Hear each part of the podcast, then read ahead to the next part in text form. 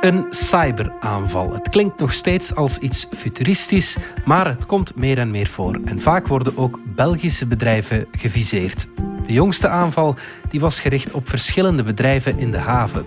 Geen kleine garnalen dus, maar toch vallen ze ten prooi aan cybercriminelen. Is dit een onmogelijke strijd?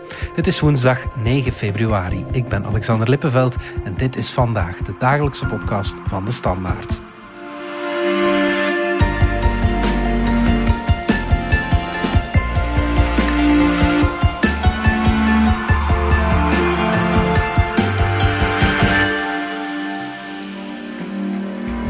Nicolas van Hekken van onze binnenlandredactie. Jij kan ons wel wat meer uitleg geven over die cyberaanvallen op verschillende Europese bedrijven. Om te beginnen, wat is er juist gebeurd?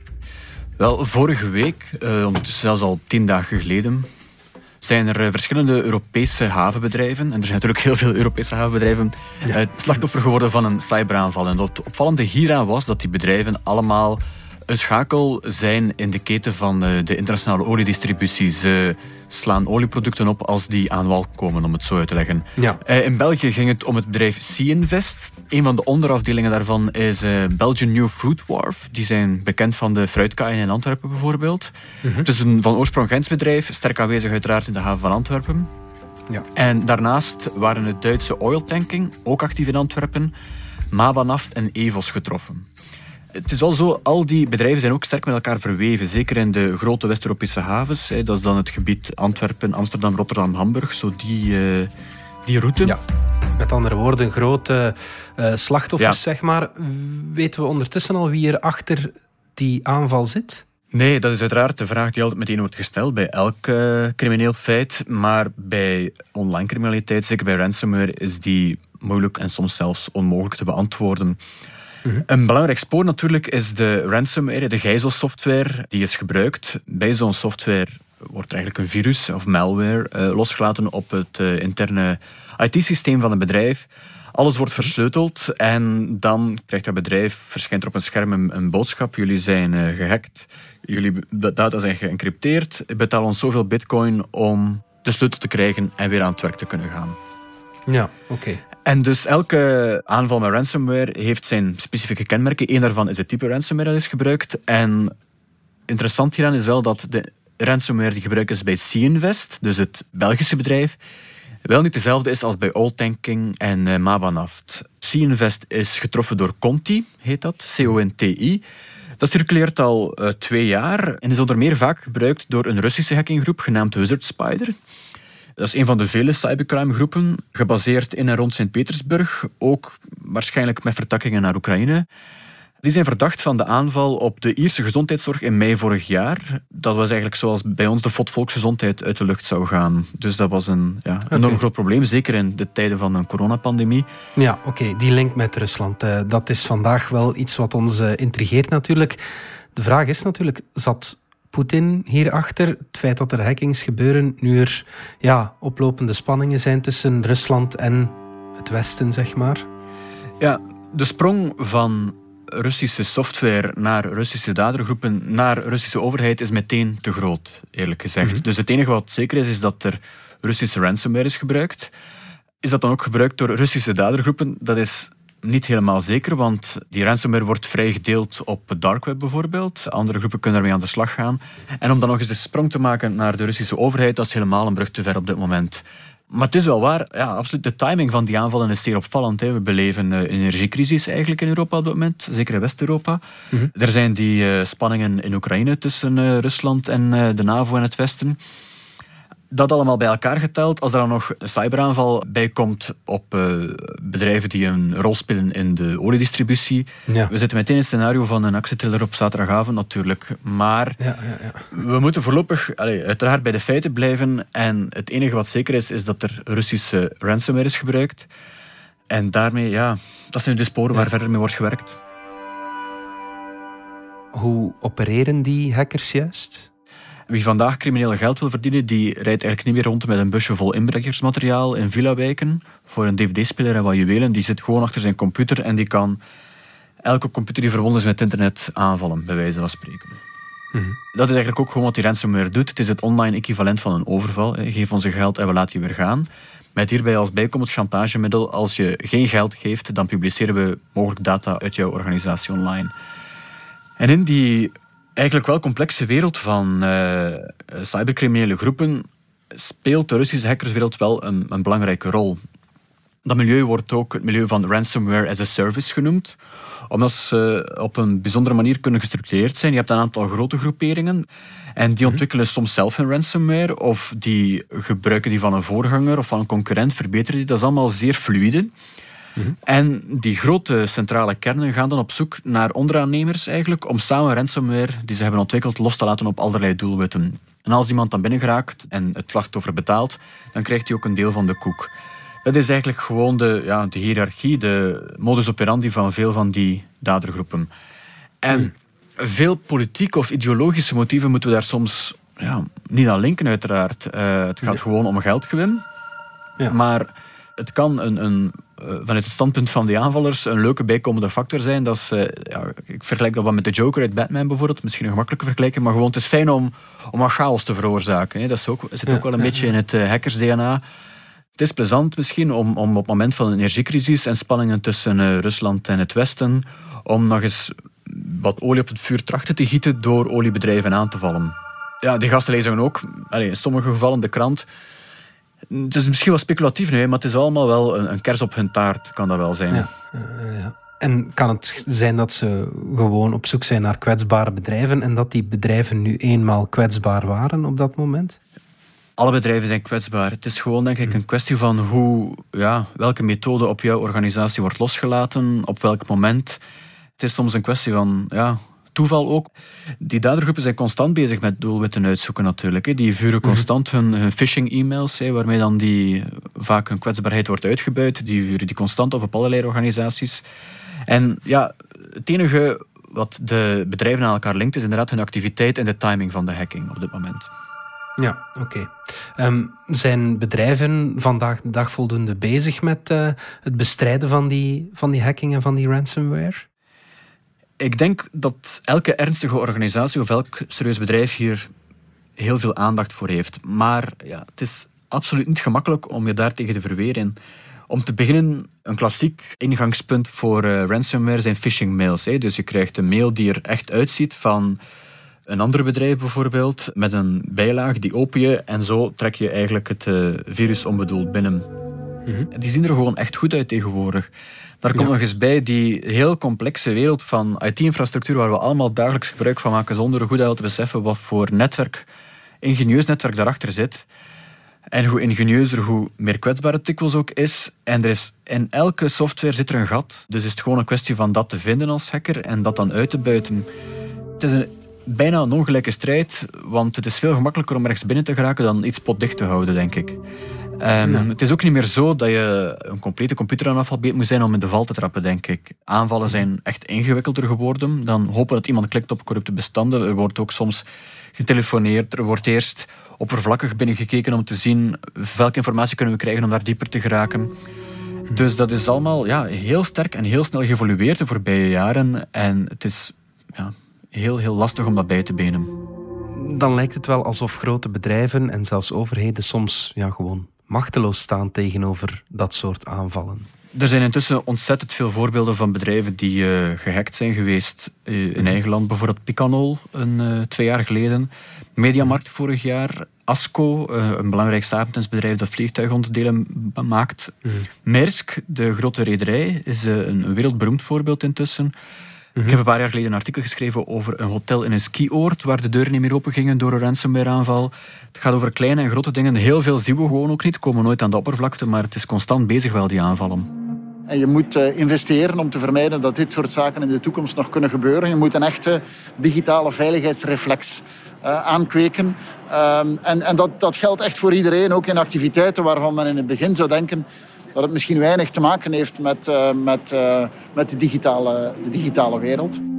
Dat was premier De Croo na een cyberaanval in mei vorig jaar. Kan een overheid, bedrijven en burgers beter beschermen, Nicolas, tegen dat soort aanvallen? Uh, de overheidsinstanties die bezig zijn met de bevolking beschermen tegen dit soort aanvallen weten over het algemeen heel goed wat gedaan. Ze schreven ook constant om volk en budgetten. En zoals dat dan gaat bij de toekenning van volk en budgetten, loopt dat altijd wel wat achter op de realiteit of wat nodig is. Mhm. In België is het Centrum voor Cybersecurity een belangrijke speler. Het Centrum voor Cybersecurity heeft zich de voorbije jaren eh, kunnen uitbouwen met een sterk team, maar komt nu met een, een, een, nieuwe strategie voor de komende jaren. En dat houdt in dat er meer geïnvesteerd zal worden in infrastructuur, meer geïnvesteerd zal worden in, eh, in mensen. Wij als overheid hebben daar een belangrijke rol te spelen. De private sector heeft ook een belangrijke rol te spelen en we, we moeten daar eh, schouder aan schouder vechten. Daar zit heel wat kennis bij één. En die, ja, spelen een centrale rol eigenlijk in, in het verdelen van wat is er geweten, hoe kunnen we bedrijven beschermen, hoe kunnen we de overheid beschermen, hoe kunnen we individuen beschermen. U hoort Miguel de Bruiker, de directeur van het Centrum voor Cybersecurity. De schade die phishing jaarlijks berokkent, die is erg groot. Volgens de laatste cijfers van Febelfin zouden, zou vorig jaar meer dan 30 miljoen euro schade geleden zijn door die phishingaanval. Zij hebben ook niet zo lang geleden de Safe on Web app uitgebracht. En die app die stuurt je wel een bericht als er een nieuwe phishingcampagne bezig is. Bijvoorbeeld als er sms'jes in naam van B-post zogezegd circuleren. Wij ontvangen dagelijks meer dan 12.000 berichten van de bevolking. Daarop zetten we automatische alarmsystemen die ons toelaten om snel grote frauduleuze campagnes te detecteren en via de smartphone-app de mensen te waarschuwen. Je kunt die app ook gebruiken om je netwerk thuis bijvoorbeeld te controleren op bekende kwetsbaarheden. Dus er zijn wel veel inspanningen bezig, maar ja, je moet er als gebruiker van internet voor een stukje mee willen gaan, want het is sowieso al een complexe omgeving voor veel mensen, denk ik. Uh, internet, alles wat erbij komt kijken. Om dan nog op de hoogte te zijn van hoe je jezelf en je apparaten daarin kan beveiligen, dat is opnieuw geen gemakkelijke opdracht. Bedrijven platleggen met ransomware, dat blijkt wel een succesvolle strategie. Sommige bedrijven betalen gewoon de gevraagde som, al wordt dat natuurlijk afgeraden. Speelt dat in de kaarten van de, van de criminelen? Ja, die groepen zitten in een enorme machtspositie. Mhm. Terwijl jij als jouw bedrijf eh, op zoek is naar een oplossing voor de hacking bij jou en eventueel met die groepen eh, in contact staat, bij een onderhandeling of zo bijvoorbeeld, zijn ze eigenlijk ook gewoon bezig met het onderhouden, tussen aanhalingstekens, van al hun andere doelwitten. Mhm. Als er op 100 bedrijven binnengeraken, dan betalen er maar twee, ja, dan hebben ze wel weer al uh, aardig wat geld binnengekregen. Ja, en natuurlijk, het betalen van losgeld wordt officieel afgeraden. Dus zo in alle gevallen van gijzelingen. Maar het gebeurt wel, omdat er soms gewoon geen andere optie is. Mm. Zelfs bedrijven met goede backups is het niet zo evident om snel terug aan de slag te gaan. En dat is altijd een afweging van ja, wat kunnen we missen? Hoeveel tijd hebben we om iets bij te stellen? Hoe cruciaal is onze positie in een distributieketen bijvoorbeeld ook? Daarom is het ook goed als eigenlijk bedrijven die het slachtoffer zijn, daarmee naar buiten komen, daar de bevoegde instanties voor aanspreken, zodanig dat kan worden bepaald hoe wordt dit zo snel mogelijk opgelost? Maar het is natuurlijk niet fijn om toe te geven dat je gehackt bent, ook al ja, overkomt het de beste. Ja, tuurlijk. En hoe moeilijk is het dan om die hackers te vinden als er zo vaak betaald wordt? Je zou kunnen zeggen, ja, follow the money. Hè? Vaak wordt losgeld gevraagd in bitcoin of een andere cryptomunt, wat het moeilijker maakt om uh, het geld te volgen.